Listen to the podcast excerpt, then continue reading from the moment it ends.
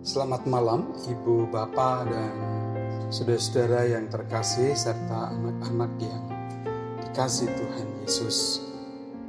Selamat berjumpa kembali dengan saya Pendeta Hosea untuk bersama-sama kita kembali bersatu hati di dalam doa di tengah-tengah masa pandemi yang masih harus kita hadapi pada kesempatan ini. Kita akan bersama-sama berdoa dan mendasarkannya pada terang firman Tuhan yang saya akan memberikan tema bukan mendendam tapi menolong bertobat. Kita bersaat teduh.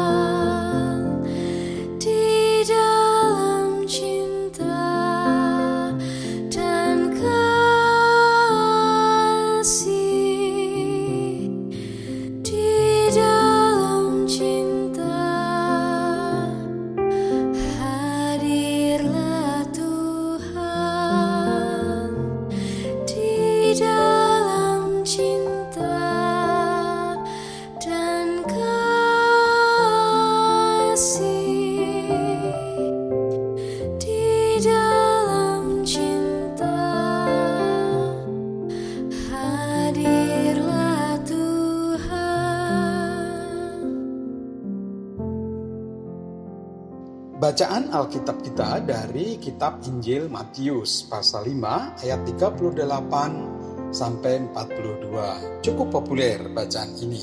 Demikian. Kamu telah mendengar firman, mata ganti mata dan gigi ganti gigi. Tetapi aku berkata kepadamu, janganlah kamu melawan orang yang berbuat jahat kepadamu, melainkan Siapa pun yang menampar pipi kananmu, berilah juga kepadanya pipi kirimu. Dan kepada orang yang hendak mengadukan engkau karena menginginkan bajumu, serahkanlah juga jubahmu. Dan siapa pun yang memaksa engkau berjalan sejauh satu mil, berjalanlah bersama dia sejauh dua mil. Berilah kepada orang yang meminta kepadamu, dan janganlah menolak orang yang mau meminjam daripadamu. Saudara, Tuhan Yesus dalam pengajarannya ini kepada para murid dan orang-orang banyak yang mengikutinya, tentu termasuk ada juga orang Yahudi, menyoroti aturan mata ganti mata, gigi ganti gigi. Tampaknya itu memiliki latar belakang bahwa sering terjadi kebaikan seseorang dibalas dengan kejahatan. 1 Samuel 25 ayat 21, Mazmur mengungkapkan dalam Mazmur 35 ayat 12. Demikian juga meskipun penulis kitab Amsal bertutur Siapa membalas kebaikan dengan kejahatan, kejahatan tidak akan menghindar dari rumahnya. Amsal 17 ayat 13. Tampaknya hal itu tidak cukup menolong orang untuk mengedepankan kebaikan. Sehingga aturan itu menjadi sebuah ketetapan. Seperti Keluaran 12 ayat 24, Imamat 24 ayat 20 juga dalam kitab Ulangan 19 ayat 21. Ketetapan itu dibuat dengan maksud dan tujuan untuk mengatasi terjadinya pertumpahan darah. Tetapi dalam kenyataannya justru aturan itu menjadi semacam wadah untuk orang menuangkan dendam mereka. Untuk memutus rantai kejahatan untuk meniadakannya harus diangkat dari akarnya agar tidak terus berkembang pada kehancuran atau kerusakan yang makin parah. Maka Tuhan Yesus mengajarkan, "Janganlah kamu melawan orang yang berbuat jahat kepadamu." Dan seterusnya, lalu ia menyertakan contoh siapa pun yang menampar pipi kananmu. Artinya menghina, menyakiti, dan merendahkan, berilah juga kepadanya pipi kirimu.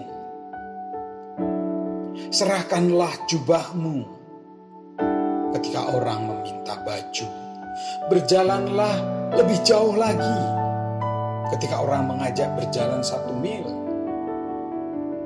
Dan janganlah menolak orang yang mau meminjam daripadamu.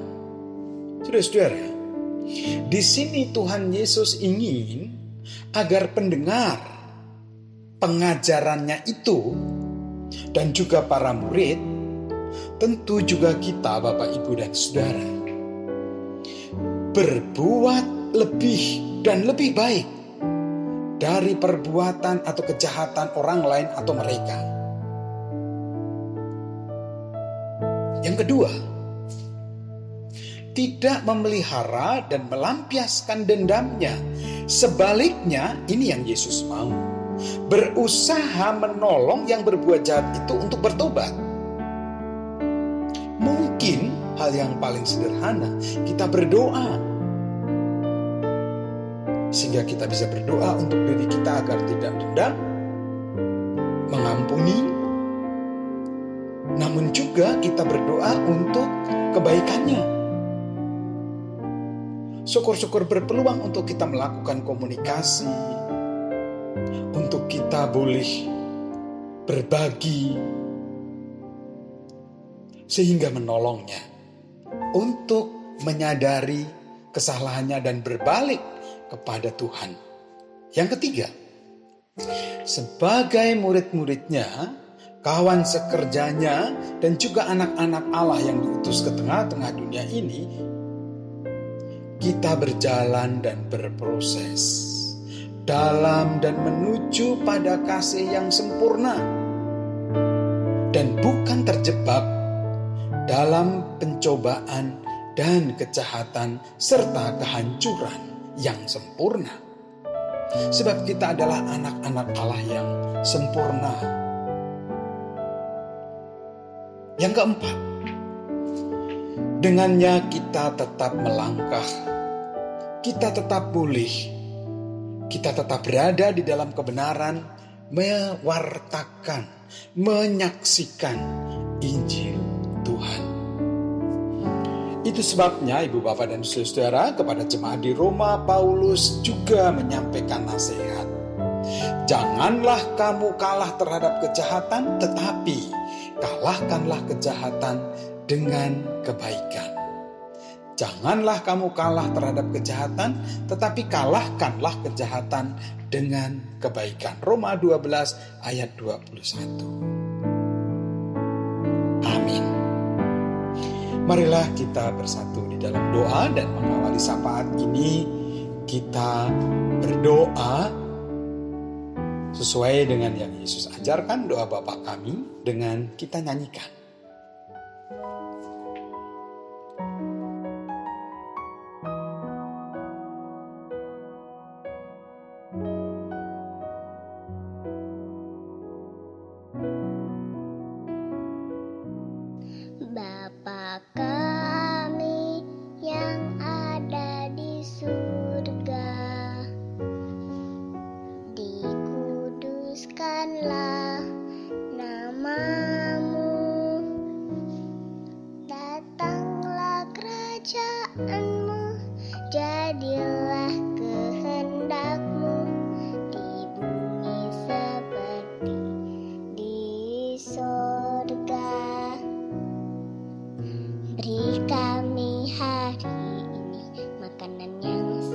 Kami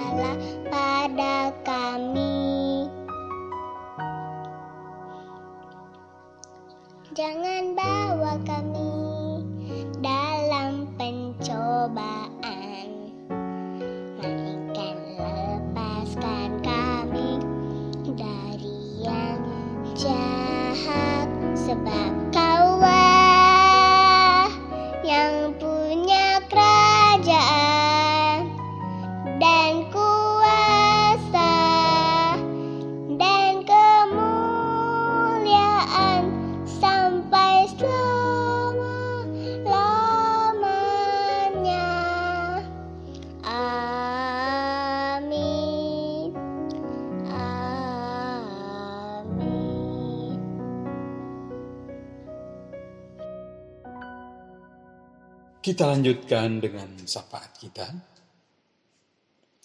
Tuhan, kami bersyukur atas kasih setiamu terhadap kami.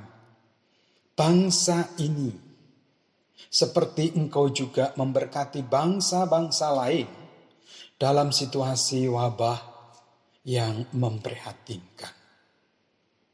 Engkau menyertai pemimpin pemerintah negeri ini untuk membuat dan menyampaikan, menetapkan kebijakan yang baik dalam mengatasi COVID-19. Namun demikian, ya Allah, Engkau mengetahui masih banyak saudara-saudara kami yang tidak dengan sungguh-sungguh menaati dan melakukan kebijakan tersebut sebagai yang telah ditetapkan. Oh Tuhan, ampunilah dan tolonglah sadarkanlah serta mampukan untuk sungguh-sungguh menaatinya demi kebaikan semua. Dalam pengasihanmu kami mohon. Tuhan,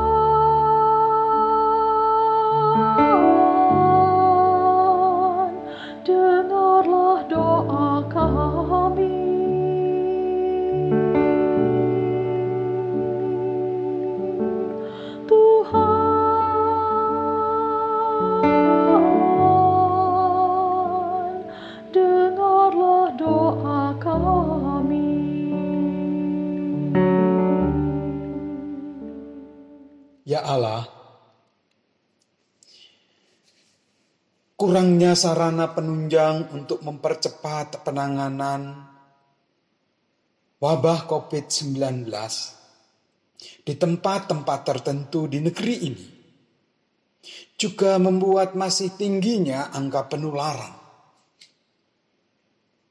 Demikian juga dengan para pemimpin dan pemuka masyarakat, tokoh-tokoh masyarakat yang kadang justru memanfaatkan situasi pandemi ini untuk menuruti nafsu jahatnya, untuk memikirkan dan mendahulukan kepentingan pribadi ataupun kelompoknya sendiri. Tolong dan tuntunlah mereka ya Tuhan, agar sadar dan melakukan yang benar, agar memprioritaskan kepentingan bersama bangsa dan negara. Dalam pengasihanmu kami mohon. Tuhan,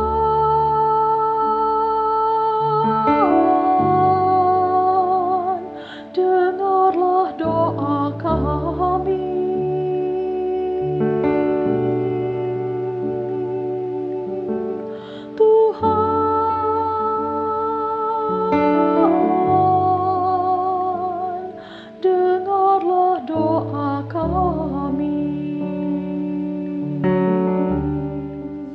Allah, di tengah-tengah pandemi yang masih memprihatinkan ini, ada pihak-pihak tertentu yang kadang dengan sengaja menyebar hoax, menghadirkan kegaduhan, merongrong stabilitas politik, serta mengganggu upaya pemerintah dan banyak pihak serta masyarakat untuk segera boleh melewatkan pandemi COVID-19 ini.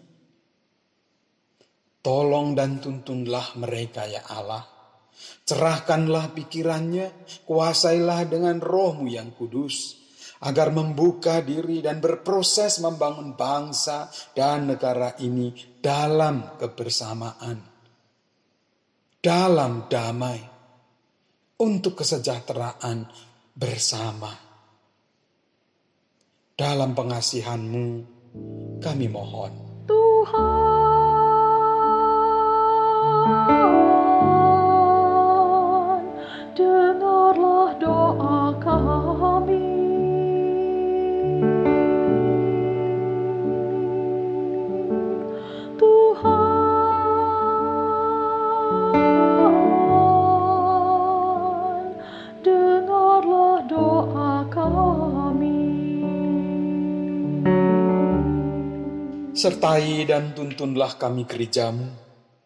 dalam mengelola pandemi ini.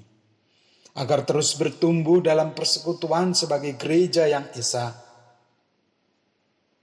Bahkan dengan semakin terasa situasi ini bukan meluruhkan semangat kami, justru membuat kami semakin intim dalam persekutuan dan dalam komunikasi denganmu ya Allah. Kami terus ditopang dan bertumbuh dalam kualitas pelayanan yang kami boleh lakukan, yang boleh kami saksikan, guna menyatakan Injilmu dalam situasi yang sungguh tidak mudah, di mana orang sangat membutuhkan kabar baik, damai sejahtera itu.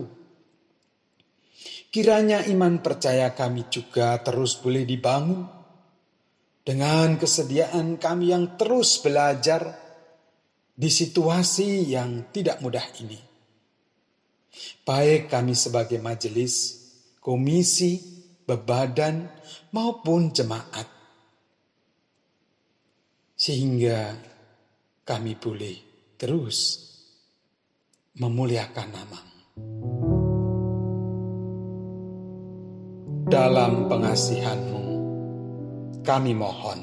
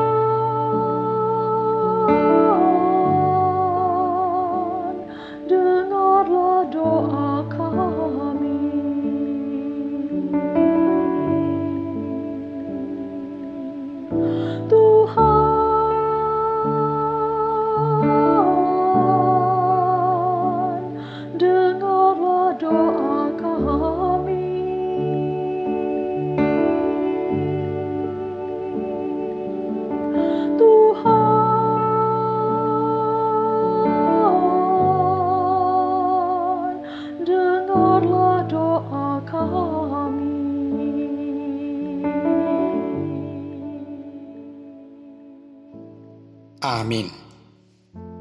Demikianlah Ibu Bapa dan Saudara doa bersama kita pada malam hari ini.